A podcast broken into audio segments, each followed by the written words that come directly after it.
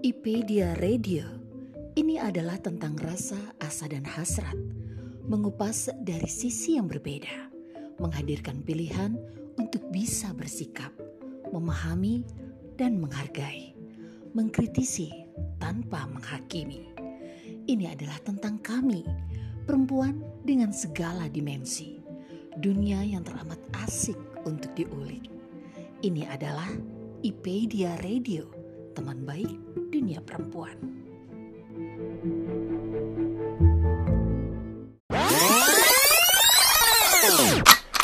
Waduh, pertanyaannya ini dalam banget. Ya terakhir itu pas pas dia pasang ventilator nih itu terakhir. Kalau saya sih suka nulis itu sebenarnya sejak kecil. Uh, saya mau order buat ulang tahun uh, ibunda Bapak Jokowi Februari yang kemarin itu. Itu juga yang dibilang sama ibuku.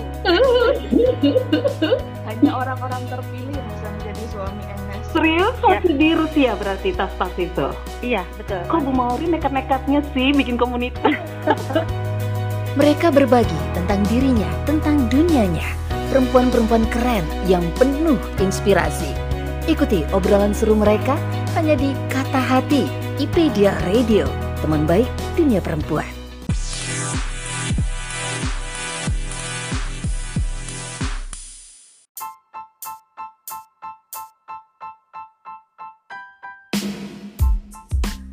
Teman baik IPedia Radio, apa kabar?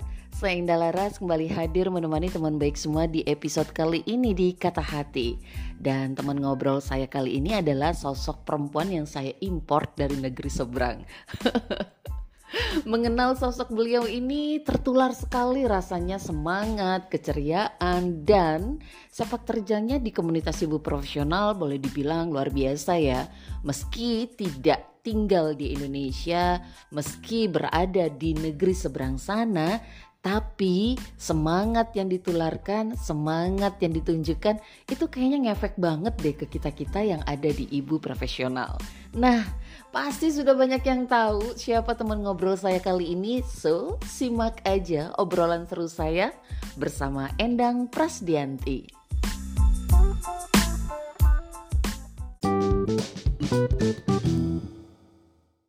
Assalamualaikum warahmatullahi wabarakatuh. Halo Tedian, apa kabar? Hai Mbak Indah, kabar baik. Gimana Mbak Ay, Indah? Juga kabarnya baik dong, apalagi mau ngobrol sama perempuan keren satu ini. Uh, harus membanggakan diri gitu loh. terima kasih sudah menyanjung. Aku merasa tersanjung dibilang keren sama Mbak Indah. Iya dong, pasti. Siapa sih teman-teman di ibu profesional itu kayaknya hanya sepersekian persen barangkali yang belum kenal sama Tedian ya. Kalau belum kenal kayaknya perlu harus dikasih tahu untuk kenal karena bener- bener-bener banyak yang sudah request juga ke aku ngobrol dong sama Tedian, ngobrol dong sama Tedian. Oh ya, apa sih yang menarik? Serius? Eh beneran, ada beberapa yang yang kontak aku untuk ngobrol sama Tedian. Ah, untung ini nggak kelihatan mukanya. Kalau kelihatan kan hidungnya kembang kempis. Gimana kabar Singapura nih, Teh Dian? Apa kabar di sana? Kondisi baik-baik aja? Masih COVID kan ya? Eh, hari ini hujan dari subuh nih, Mbak Indah. Hmm. Kalau kalau tentang cuaca, hmm. lalu tentang COVID, hmm, seperti yang sudah diprediksi oleh pemerintah di sini, Mhm. akhir-akhir ini justru kasus positif COVID itu telu- terus ah, naik ya. Mhm. Bahkan diprediksi akan mencapai maksimum 3000 per hari. Wow, tinggi sekali ya kalau untuk Ya, ukuran Singapura ya? ini ini ini eh, tertinggi selama dua tahun. Karena tapi ini sudah diprediksi ya. Eh, menurut Men- Kementerian Kesehatan yang positif itu 98% Mhm. tidak bergejala. Bah, Oh, kalaupun bergejala itu gejala ringan, jadi tidak terlalu mengkhawatirkan. Gitu Oke. Mbak Indah. Wow, ikut senang juga mendengarnya. Jadi ikut tidak khawatir juga karena banyak juga ya teman-teman kita yang ada di Singapura menetap di sana. Nah, Teh Dian ngomongin Singapura sebenarnya sudah berapa lama sih menetap di Singapura, Teh? Aku sejak 2003. Wow, sejak 2003 sekarang 2021. Ayo berhitung berapa tahun? Aku tuh tiba-tiba bisa jadi bodoh banget loh ngitung kalau udah begitu. Hampir 20 ya, hampir 20 tahun ya. 18 tahun ya Teh ya di Singapura. Betah bener Ibu. Iya dong. Habis habis nggak susah kan? Apa sih yang susah? Eh, Coba betul. iklim sama dengan tanah air. Eh, maaf nih, tapi Teh Dian masih WNI ya? Masih dong. Oke, Teh Dian sudah 18 tahun, hampir 20 tahun di Singapura. Itu sebenarnya udah lama banget loh merantau yang udah cukup lama banget. Tapi tapi kita banyak banget nih uh, melihat uh, aksi sepak terjangnya Tedian itu banyak banget loh yang nggak nggak meninggalkan keindonesiaannya gitu loh. Apalagi sekarang di komunitas ibu profesional itu luar biasa banget loh sepak terjang Tedian ini. Kenapa sih masih tetap memilih untuk berkarya di sini di Indonesia gitu? Secara oh. virtual meskipun. Mm -mm. Jadi sebetulnya ya karena era digital ya, uh, hmm? kita itu berkat teknologi meskipun jauh jaraknya tapi terasa dekat ya. Mm-hmm. Itu satu. Kemudian uh, ini karena uh, bertemu di playground atau di wadah atau di apa pun itu namanya yang sangat pas dengan apa yang aku cari selama ini Mbak Indah. Jadi betah di ibu profesional ini. Terus terang. Mm. Terus terang aku betah. Aku itu uh, dari zaman masih muda di, di di garis bawahi masih muda karena saat ini sudah muda bertambah muda sudah sudah muda atau bertambah muda enggak lah cocoknya sudah muda jadi oh, okay. jadi ada beberapa hal yang aku suka gitu ya mm-hmm. aku cari uh, aku tertarik tetapi aku tidak menemukan uh, partner yang pas teman okay. yang pas gitu mm-hmm. nah ketika aku belajar atau terjun di komunitas ibu profesional, apa yang aku cari itu ada gitu loh. Dan hmm. bahkan kayak connecting all the dot yang selama ini aku aku ingin ini, aku ingin itu, aku ingin ini, tapi aku nggak punya teman yang satu frekuensi gitu Mbak Indah. Okay. Jadi ketika terjun uh, ketemu uh sama teman-teman satu frekuensi, diberi kebebasan gitu ya.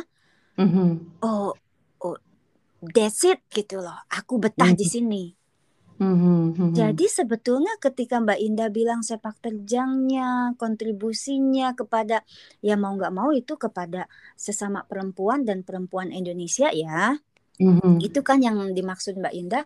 Mm-hmm. Uh, sebetulnya bukan itu tujuan saya, tetapi karena saya merasa sreg dan ini gue banget, mm-hmm. lah kan untuk ketika kita tertarik pada satu hal, kita itu kan harus mempraktekannya ya. Iya. Nah, betul. Itu di playground ini saya mengekspresikan apa yang saya inginkan, apa yang saya minati, saya uji coba di playground ini. Jadi lalu terlihat gitu, terlihat uh, dampaknya, terlihat hasilnya. Itu yang dibilang Mbak Indah disebut uh, apa tadi sepak terjang. Jadi hmm. sebetulnya ini adalah cara saya sedang belajar atau menikmati hal-hal yang memang membuat saya tertarik sejak masih muda gitu. Uh, Tadi yang sebenarnya tinggal di Singapura itu pada waktu masih sudah menikah atau memang sebelum menikah juga udah tinggal di Singapura atau gimana sih Teh? Saya tinggal di Singapura karena sudah menikah. Karena sudah menikah pada waktu uh, itu dan akhirnya uh, di Singapura, suami juga orang Singapura gitu ya. Uh. Tapi bertemu dengan komunitas ibu profesional meskipun ada di negeri seberang di Indonesia mm -hmm. dan itu yang membuat dia terasa bahwa wah ketemu nih yang dicari ketemu nih yang memang uh, yang kayaknya ngepas banget nih dengan aku dan sebenarnya nggak punya misi apa-apa tapi ternyata uh, apa yang dilakukan Tedian dengan niat yang sungguh-sungguh kemudian menikmati berbuah hasil untuk ya tanpa sadar ya kadang-kadang kan orang Betul. ngerasa aku buat apa-apa tapi ternyata berdampak bagi banyak orang gitu loh. Iya, karena ini mungkin berkat gamifikasi ya, Mbak. Hmm. Uh, yang pertama kali saya kenal ibu profesional ini, ini yang penting ini, uh, karena ketika saya mengenal komunitas ibu profesional, itu hmm. langsung ketemu Ibu Septi. Oke. Jadi langsung kena ya. Iya betul, gitu langsung kan. nempel gitu kalau udah sama ibu Betul, beda hmm. kalau kita misalnya kenal program yang dibawakan, ya kan? Iya betul betul. Uh. kalau saya itu jadi waktu pertama kali ibu bawa uh, komunitas ibu profesional itu, mm-hmm. itu langsung ibu itu memberikan materi-materi gitu. Cara mm-hmm. uh, uh, parenting ya, waktu itu uh, mungkin sama dengan materi untuk kelas bunda sayang dan itu diberikan langsung oleh Ibu Septi selama satu jam. Kita bisa tanya jawab sama Ibu Septi, jadi langsung langsung jatuh cinta. Uh, karena waktu itu kan Bu Septi sering ke Singapura ya, Enes waktu itu anak Bu Septi yang pertama uh, tinggal di Singapura sekolah. Nah, mm -hmm. jadi jadi langsung ke ibu gitu kan, dapat langsung ilmunya. Lalu ketika ibu mau nggak berlanjut yuk kita secara virtual waktu itu pakai Wizik ya. Mm-hmm. Ya saya mau dikejar dong karena sudah dapat sudah jatuh cinta. Mm-hmm. Mm-hmm. Gitu Mbak Indah.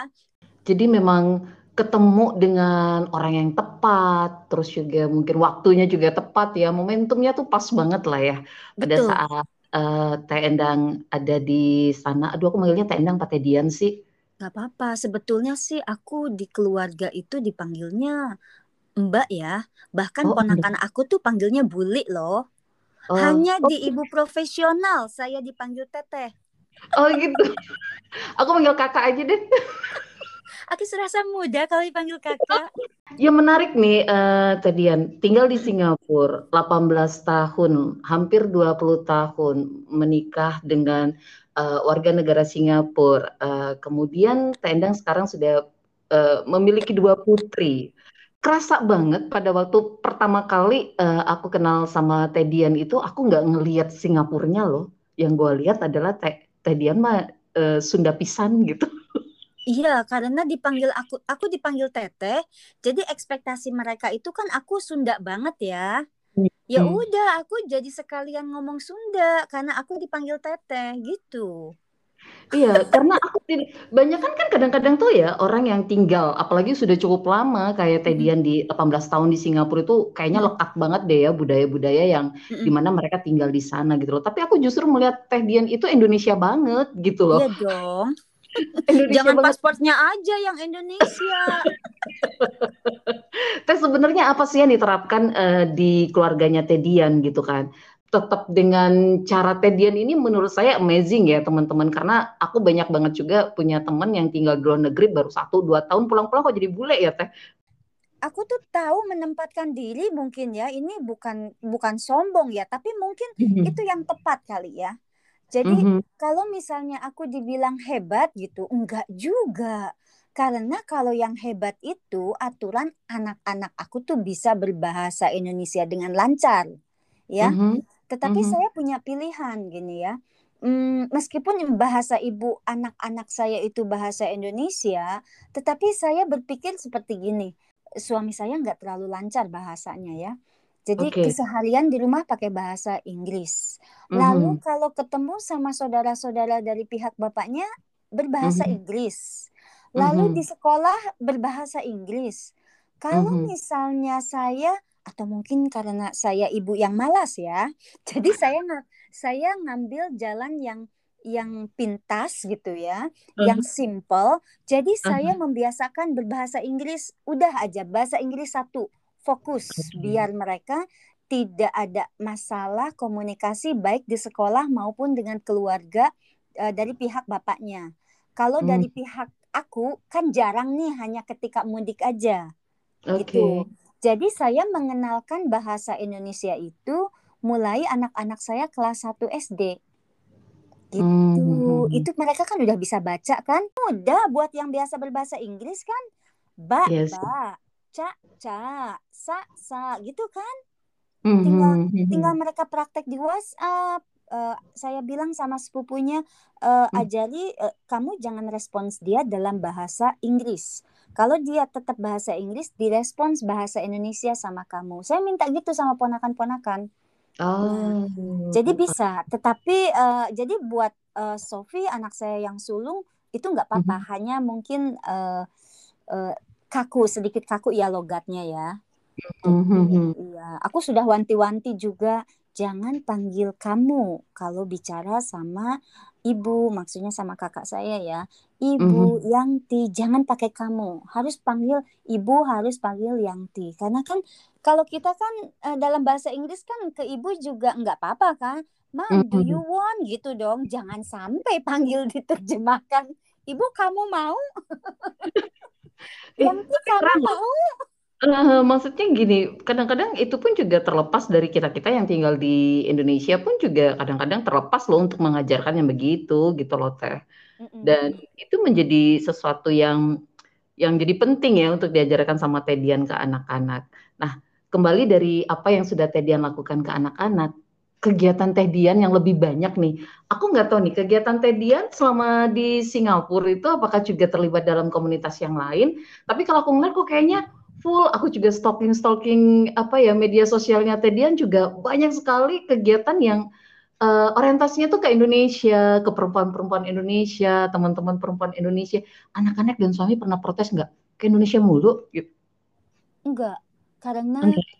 karena gini ya mm-hmm. uh, ini juga yang kadang aku tuh kalau teman-teman dari Ipers tanya gimana suami karena saya begitu aktif di komunitas kadang mm-hmm. saya bilang jangan dicontoh karena pasti ini nggak cocok buat teman-teman gini ya suami saya memberi kebebasan dia tahu kelemahannya dia kelemahannya itu jam kerja dia long hours Okay. Dia itu kalau tidak COVID ya, uh-huh. jadi COVID ini membawa berkah, Mbak Indah.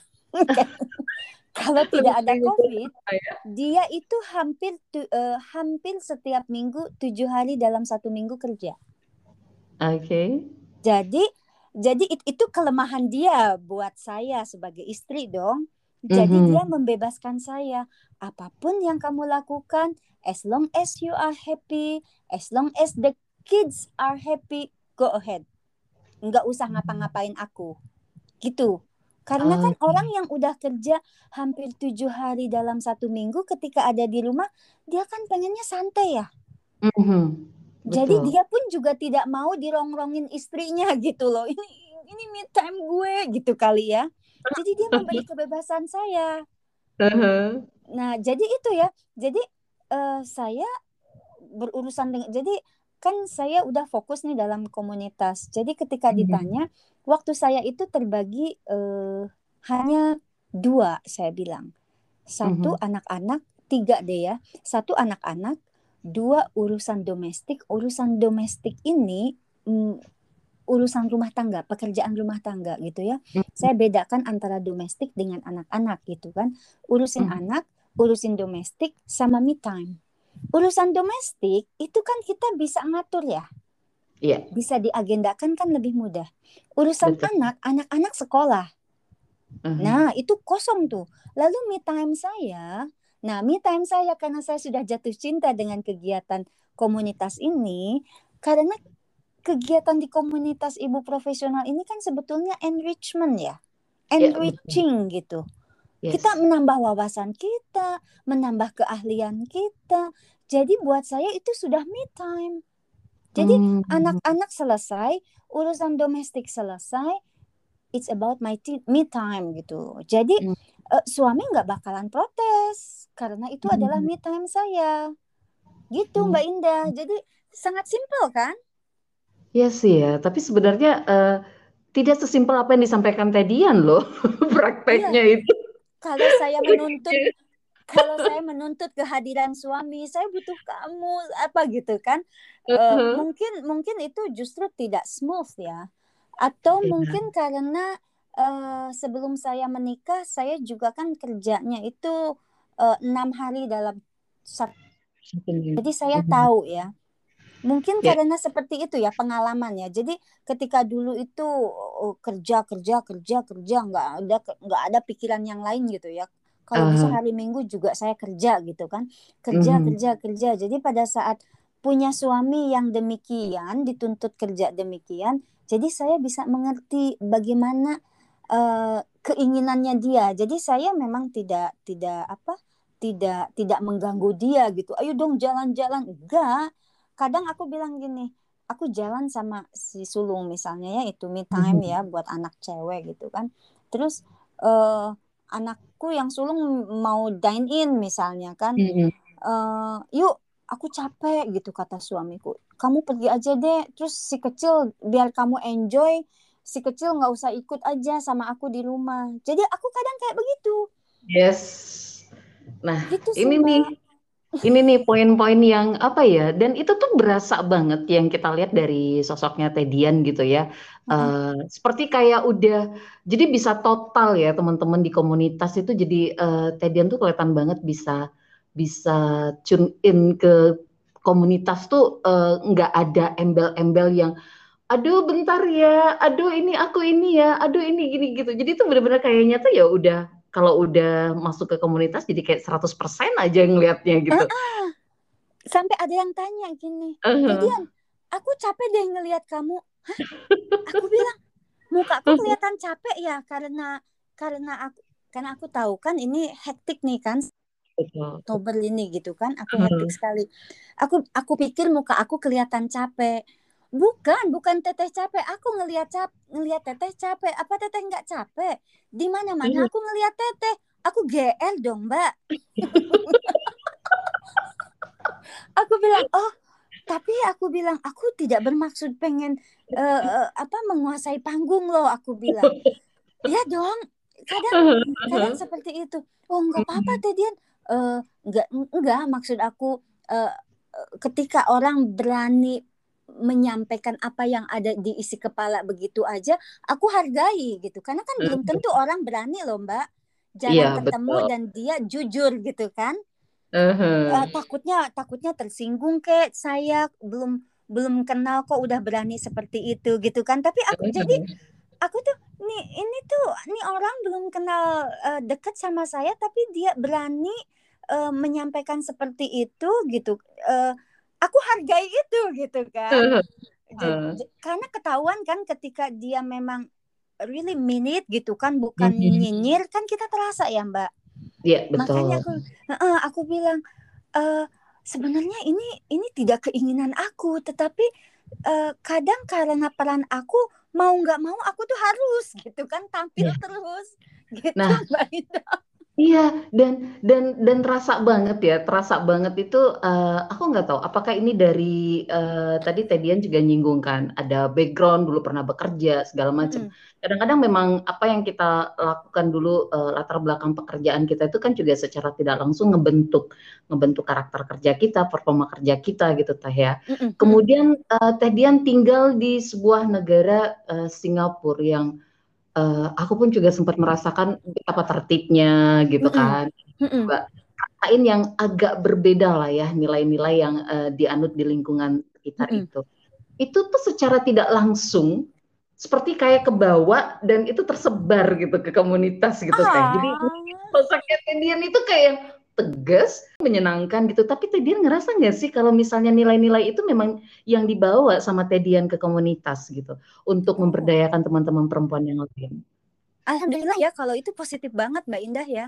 Jadi uh, aku tuh aku tuh kerja sejak aku tuh kerja dari dari muda loh Mbak dari orang seangkatan aku masih kuliah aku tuh udah kerja. Aku itu selalu oh, kerja di lingkungan yang banyak ekspatriatnya. Nah, hmm. kadang tuntutan orang-orang seperti itu, tuntutan para ekspatriat itu tahu sendiri dong ya harus bagaimana ya. Nah, uh. jadi dulu pertama kali saya bekerja itu saya sebagai uh, resepsionis yang memang butuh bicara bahasa Inggris karena mostly di perusahaan itu itu perusahaan multinasional 80% adalah expatriate dari Australia, UK sama Amerika. Jadi okay. dia tuh butuh seseorang. Pekerjaan saya hanya penerima telepon dan resepsionis, tetapi mereka butuh yang bisa berbahasa Inggris. Nah, mm -hmm. jadi usia saya tuh waktu itu tuh sekitar 20 tahun atau 19 tahun tuh udah udah ada di perusahaan seperti itu. Itu oh. mungkin yang langsung ya. Lalu yeah. ketika saya di Jakarta, uh, memang itu perusahaan perusahaan lokal. Uh, pernah dengar dong SeaWorld Indonesia? Uh-huh. Nah, itu tuh saya dibangun ketika belum di belum belum dibuka. Itu ketika dibuka di situ tuh ada beberapa ekspatriat. Di uh-huh. situ pun juga karena saya backgroundnya dulu di perusahaan yang multinasional company itu ya banyak Betul. sekali ekspatriat. Jadi ketika saya datang ke situ, di situ hanya ada tiga tiga ekspatriat gitu loh. Di situ saya membuktikan Mbak Indah bahwa uh-huh ketika saya satu tahun lebih kemudian saya dapat uh, panggilan kerja itu untuk sekretaris uh, project manager di sana ditahan sama bosku yang di SeaWorld no you cannot hmm. go di situ mm-hmm. di situ saya membuktikan kepada human resources ini mm-hmm. bukan sekedar sekolah aja saya mm-hmm. alumni mana yang dibutuhkan alumni apa lihat mm-hmm. saya mau pergi dipertahankan oleh oleh bos saya gitu nah lanjut mm-hmm. terus lanjut saya selalu ada di di di lingkungan yang uh, bekerja dengan ekspatriat jadi ketika mm-hmm. saya tinggal di Singapura keteraturan ini nggak aneh buat saya gitu iya. Mbak Indah jadi oh. 2003 itu kan saya sekitar usia 30 tahun ya Berarti yeah. saya sekitar 10 tahunan kan saya itu bekerja sama ekspatriat yeah. ya. Uh-huh, uh-huh. Jadi uh, ketika Mbak Indah apa sih gitu kan heran gitu kan ketika saya total di komunitas. Ada pertanyaan lucu nih Mbak Mbak Indah. Ada hmm. momen yang lucu nih. Lanjut nggak? Lanjut dong. Jadi tahun 2019 itu IP Asia mengundang Ibu Septi kan ada acara uh -huh. Sebetulnya uh. pas Ibu Septi itu ada acara diundang oleh Facebook gitu ya. Lalu okay. sekalian aja dong kita undang Ibu ngadain acara di di Singapura. Nah, Ibu hmm. diundang dong sama kita Ibu hadir. Nah, waktu itu tuh Ibu tuh tanya ini langsung antara Ibu dengan di dengan saya.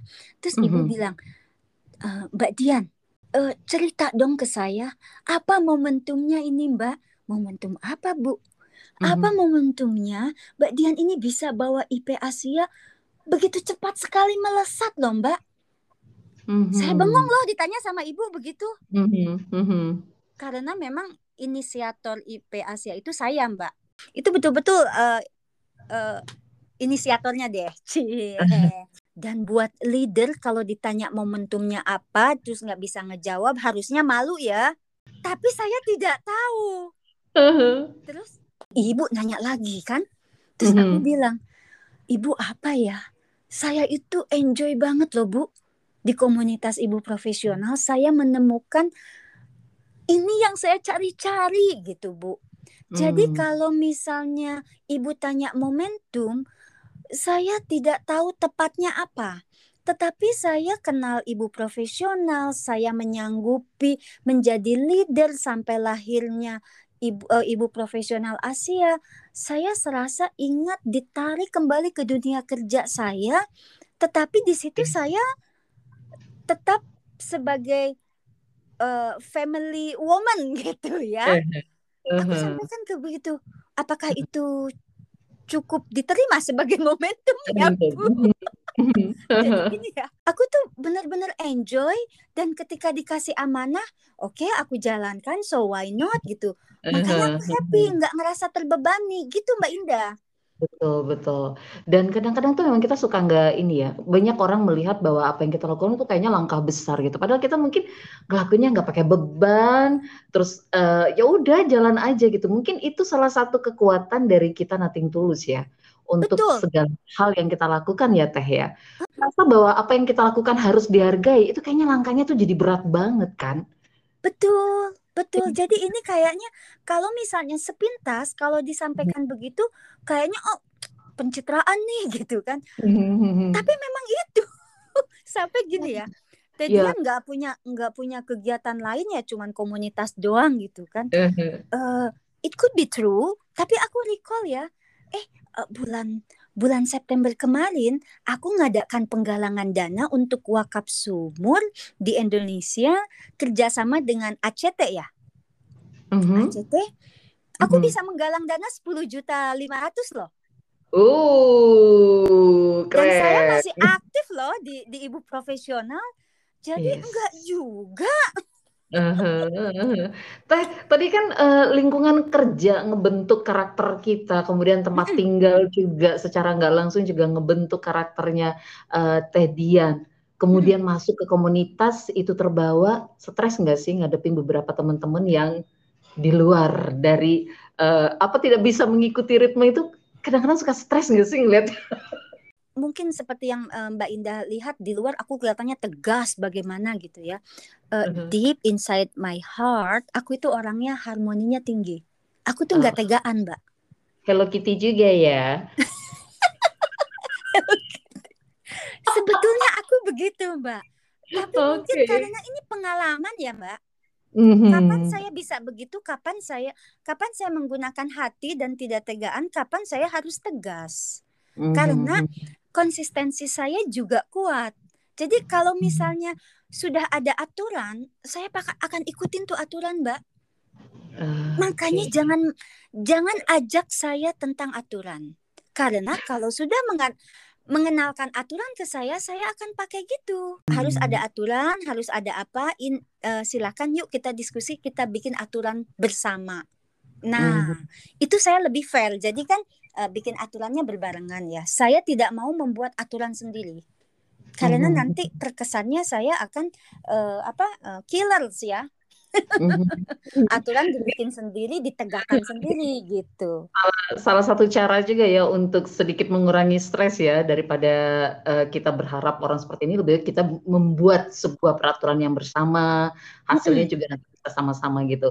Mm-mm. Ini kalau ngomong sama Tedian tuh nggak akan bisa cepet, nggak akan bisa sebentar. Itu pasti akan lama ngobrolnya. Kita kadang-kadang aja ngobrol yang off the record aja lama banget ya Teh. satu deh, satu pertanyaan terakhir sebelum kita closing ini. Apa sih sebenarnya uh, kelebihan dari seorang Endang Prasdianti di matanya Tedian? Wow, Endang Prasdianti itu berhati lembut. SDA. Serius, kelebihan saya ya. Mm-hmm. Ini saya baru sadari akhir-akhir ini. Saya itu dilahirkan dengan bermentalkan kaya. Dan itu kalau tidak disiasati akan membuat saya seperti orang yang tidak mau maju orang akan berpikir kalau saya itu tidak punya ambisi dalam hidup. Ternyata ketika saya banyak membaca, banyak menyimak hal-hal yang tentang apa nasihat hidup, oh pandangan hidup gitu ya, mm-hmm. bahwa ternyata saya itu termasuk orang yang bermental kaya. Tidak banyak maunya, Mbak Indah. Selalu oh. mensyukuri. Oke. Okay itu. Jadi ketika uh, diajak jalan hayu, ketika orang yang ngajak jalan cancel, uh-huh. uh, it is okay. Aku bisa enjoy kok di rumah gitu. Oh. Aku tuh tipe orang yang seperti itu. Saya itu uh, sudah miliki uh, mental seperti itu dari saya sejak muda. Nah, uh. itu kelebihan saya tetapi uh, sekaligus juga akan membuat saya terlena jadi saya bisa saja ketinggalan akan kemajuan-kemajuan zaman gitu. Okay. Itu kelebihan saya. Kalau aku melihat dari apa yang disampaikan tadi sama Tedian, saya ngelihat Tedian itu sosok yang saat ini sih kayak ngerasa bahwa uh, sudah sampai ke apa ya, sudah dalam proses selesai untuk dengan diri sendiri ya. selesai. ya. Betul iya. menuju proses selesai dengan diri sendiri, proses cukup. Kalau dalam Islam itu istilahnya kayak kanaah gitu ya, cukup. Eh, betul, gitu. kanaah. Jadi uh, sudah menuju proses ke sana gitu loh dan wow luar biasa dan, ya. Dan itu adalah salah satu program saya di ibu profesional di kelas Bunda Saliha. Uh, mm -hmm. Saya mengambil bidang kesetaraan gender uh, target dan tujuan tim saya adalah mengajak perempuan untuk selesai dengan dirinya sendiri. Keren lah. Aduh, pengen ngobrol lebih panjang lagi karena waktunya juga terbatas di kata hati ini, teman-teman ngobrol yang bisa memberikan inspirasi untuk teman-teman semua dari pemikiran-pemikiran dari teman ngobrol kita yang saya ajak untuk ngobrol saya yakin banget obrolan saya sama Tedian ini pasti banyak hal-hal yang menjadi insight yang baru untuk teman-teman, menjadi hal-hal yang menarik untuk dikupas lebih dalam ataupun juga barangkali bisa dipraktekin juga tuh trik-trik dan cara-caranya Teh Dian untuk bisa tetap semangat dan berkarya meski ada di negeri seberang ya Teh Dian. Closing iya statement Teh Dian sebelum kita pamitan. Oke, singkat ya. Closing statementnya adalah quote uh, favorit saya sekaligus yang membuat juga saya. Waktu adalah sahabat sejati. Kenapa oh. waktu itu sahabat sejati?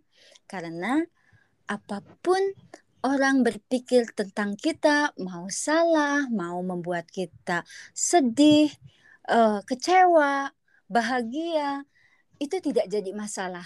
Waktu sahabat kita sejati ini yang akan membuktikan waktu yang akan membuktikan bahwa kita itu tidak salah, bahwa kita itu tidak ada maksud melukai orang. Sahabat sejati. Kata-kata ini hanya bisa keluar dari orang-orang yang sudah merasakan dan sudah berjalan cukup jauh, teman-teman. Yakin deh. Orang yang berjalannya masih pendek, masih jaraknya pendek, itu nggak akan mungkin bisa mengeluarkan kata-kata seperti ini. Ya. Benar nggak sih? Iya kan? Oke, okay, thank you banget Tedian waktunya di sela-sela waktu kita yang coba sini coba sana. Waktunya kapan bisa ketemu, bisa ngobrol. Akhirnya bisa ngobrol juga. Rasanya saya juga sudah ngebayar lunas nih hutang yang beberapa teman-teman eh kapan ngobrol sama Tedian ini udah saya bayar lunas ya teman-teman. Semoga aja dari obrolan ini teman-teman mendapatkan banyak hal baru ya Teh ya dari Amin. apa yang Tedian tadi. Saya lagi thank you banget Tedian. Salam Sama-sama. untuk keluarga. Sama-sama Mbak Indah. sehat di Singapura ya, baik-baik dan wassalamualaikum warahmatullahi wabarakatuh. Waalaikumsalam.